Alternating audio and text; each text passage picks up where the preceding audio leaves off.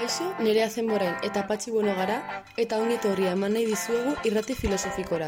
Desoberientziari buruzko podcast bat aurkeztu nahi dizuegu. Zehazki, intsumisioari buruz hitz egin behar dugu. Naiz eta lehenengo atalean desoberientzia zibila zer den azaldu zen, pixka bat gainetik bitgogoratu nahi dugu. Zehazki, puntu batzuk. Desobedientzia zibila publikoki egiten diren ekintzaz osatzen da. Eta ekintza hauek ez dira bortitzak. Azkeneko gogoratzea oso garrantzitsua dela ibiltzen zaigu gure ikuspuntutik ezberdina delako modu antolatu batean kaleratzea zilegizkoa ez den lege bati aurre egiteko lehenagoko adostasunik gabe kalerateratzea gauzak apurtzeko edo zakarruntzeak erretzera baino.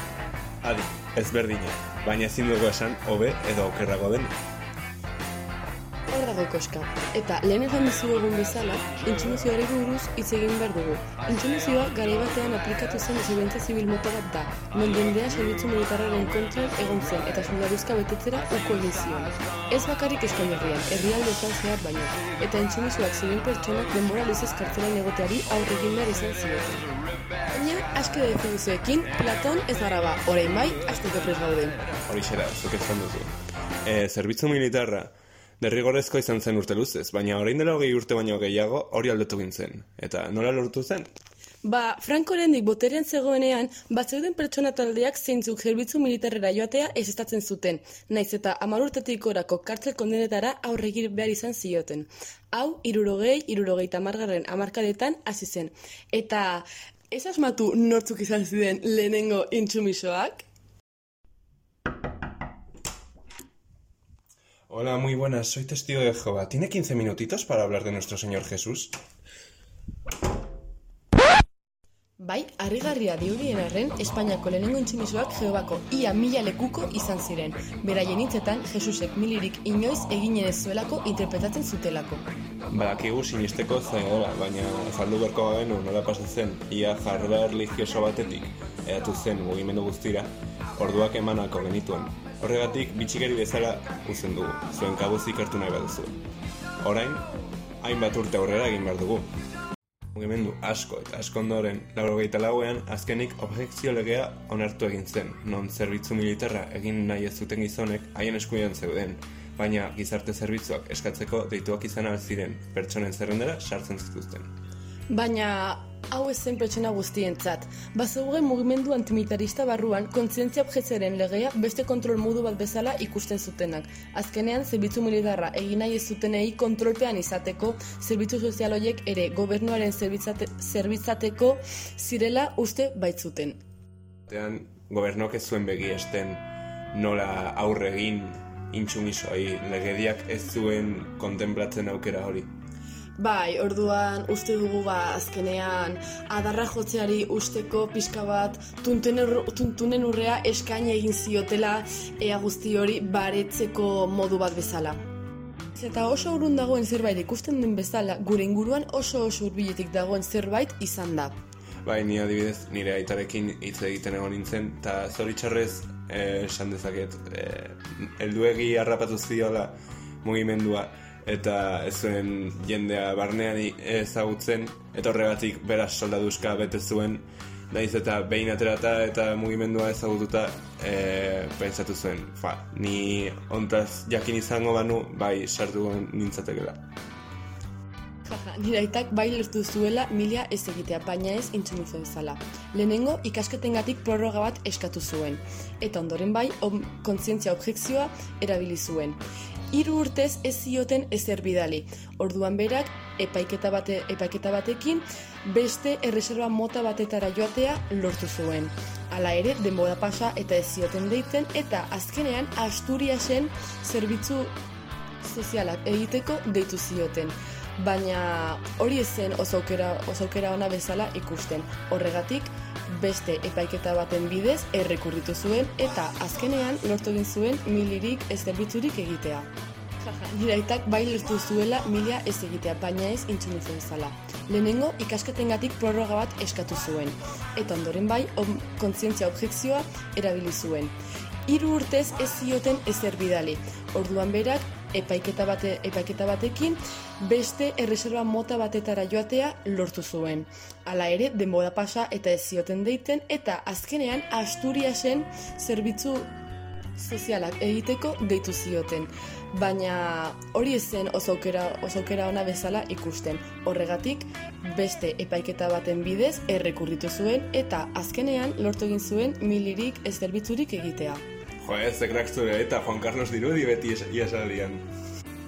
Esan dugun bezala, hasi hasieran geobako lekuko hauei amar urteko edo amar urte inguruko kondenak eh, erri zitzaien, baina hitz egin nahi dugu laro garren amarkadan non intsumisoen mugimendua indarrasko irabazi zuen egon zen ezberdintasuna belaunal- belaunaldien artean.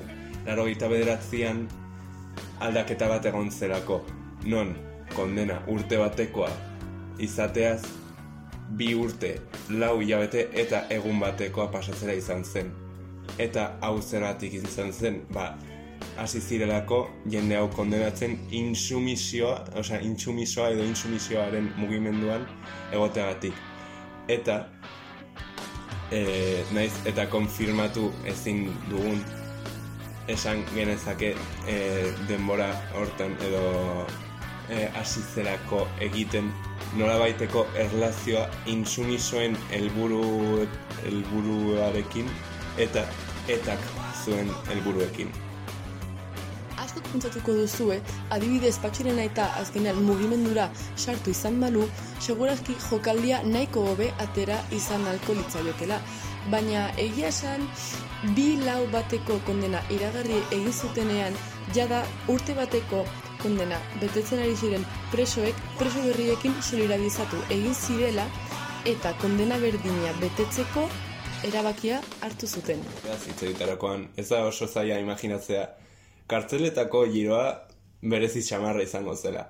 Azken finean, jendea hor zegoen nahi zuelako gehienetan, eta baita ere kuadriletan e, kolektiboki hartzen zuten erabakia insumisoak izateko eta kartzelara joateko. Orduan, e, beren e, logelakideak txikitatik lagunak izango ziren jendea izango zen e, beraien familiakideen eta ezagunen bisita ugari jasotzen zituzten eta kanpoko jendeen elkartasun osoa zeukaten. E, askotan kontatzen da esien kanpotik jendea e, ba, bai zapatiletan edo e, gauzak ezapurtzeko nahi zutena ematen ziotela, gero inkautatu, inkautatzen zituzten material horiek edo ematen zioten gauza horiek, baina e, horrekin kontatzen zuten. Orduan, hau guztia, e, normalen kartzela leku os- oso tristea izaten zen, baina antzegoen giroa oso bizia zen. Eta arrazoi guzti hauek soberan izango ez balira bezala, bazituzten ere pozik egoteko arrazoi gehiago, ze beraien beste helburu bat betetzen ari ziren. Azkenean, kartzelen saturazioa eta lekurik ez egotea gobernuari beste presio mota bat egiteko balio zuen. Egia esan da, hauek saiatu egin ziren, hau pixka bat arruintzen, kartzelan hiru hilabete egon, egonaren ostean, hirugarren gradua ematen zieten. Hau zen, gauetan lo egitera eta batzutan asteburuetan bueltatu behar ziren, baina beste eguneko orduetan kanpoan egon ziren. Baina jendeak egiten zuena bere etxetara lo egitera joatea zen normal eta orduan poliziak haien bila joan behar zen eta autoritatea erakusteko zigor denborak oraindik gehiago luzatu behar ziren. Kartzel denbora hori areagotzen. Hau, azken finean oso kontraproduzentea zen, gobernuaren helburua edo lortu nahi zutena kar kartzelak ustea zen. Orduan, Bai, eta horregatik mugimendu hau aizoragarria iruditzen zaigu. Lehen esan dugun bezala, kartzeletan giroa ez zen bat ere goibela eta helburuak betetzetik gero eta hurbilago ziren. Honekin, bortizkeriarik gabeko mugimendu batek zenbat min egin dezaioke gobernuari erakusten da, eta azpimarratu nahi dugu. Bai, adibidez, niretaren hitzetan, berak ez du inoiz bortizkeririk onartu, edo zentutan. Eta bere lagunetatik hogeita bost, baino gehiago, kartzelean sartu zituzten intsumisoaren gatik. Hogeita bost, ez da gutxi, baina azkar esaten da. Eta beti haiei bisitatzera eta laguntzeko prest zegoen, eta guztizko adostasuna zeukan mugimenduarekin. Kontakizun hauek entzuterakoan, ni garai horretan jaiotzen manintz, mugimenduen parte hartzea zenbat gustatuko litzaidake pentsarazten dit. Eta adi berean, borrokarako gogoak pizten dizkit. Bai, benetan? Bai, zakarrontziak erratzeko gogo ikaragerria sartzen zaizkit. Bitxia hori sentiaraztea arma eta borroken kontrako mugimenduari buruz entzuteak, eh? Beno, eske horrela esan da.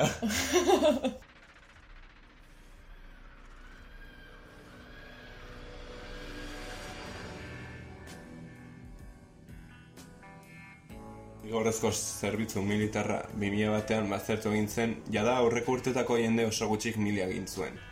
Hain indartsua mugimendua ia tristea dela kontatzea, nola behin intsumisioaren helbura lortu zenean, nola atzetik zeukan mugimendu antimilitarista ia osotasunen desagertu egin zen, eta gaur egun oso gutxi dira, oraindik mugimendura lotuta daudenak. Bai, esate baterako lehen aipatutako nire aitaren lagun guztia, hauek entsumisoak zirela eta guzti hori, gaur egun bakarrik batek jarraitzen du mok sartuan edo kontzientziare edo objezio kontzientziaren mugimenduaren barnean, ez da, ez da insumisoa. Gauza guzti hauek kontatu ondoren, pixka bat isten joateko ere kontat, em, pentsatu nahi dugu ea benetan gauza guzti hauek behar zuten edo merezi zuten bukaera izan zuten ze azkenean mugimendu antimilitarista ez zen bakarrik entxumezioari buruzkoa, baizik eta gauza oso handia zen eta gauza asko daude honen atzean. Bai, pena da, ze azken finean bukaera eman zioten soldaduzka bukatu zenean, baina pentsa dezakegu hor ez zirela helburu guztiak bete. Azkenan insumisioak eta desobedientzia zibilak e, zekarren guztia ez zen bakarrik e, zerbitzu militarra desagertaraztea. Azkenean, e, hau gauza askoz handiago baten batzen zuen, bai bakea bilatzea, armen erabilerari uko egitea, abuso polizialak salatzea. Orduan, nikoren adibidez pentsatzen dudana da mugimendu honek hainbeste indarrik galdu ez balu, gaur egun pandemiaren ondorioz bizitzen ari garen restrikzio guztierekin mm, ere izango ere izango genituzke edo pairatzen egongo ginateke sufritzen ditugun mm, poliziaren aldetik abusoak eta hainbeste askatasuna izango lukete gaur egun berriz ere egiten ari diren presio hori gure kontran? Bai, hau oso galdera da eta honekin gure entzule maitei pantxaraztea nahi dugu. Bai, horregatik honekin bukatu nahi dugu, ze nahi dugu zuek pentsatzea eta zuen ondorioak ateratzea. Eta besterik gabe, espero dugu disfrutatu izana, eta hori, gabon?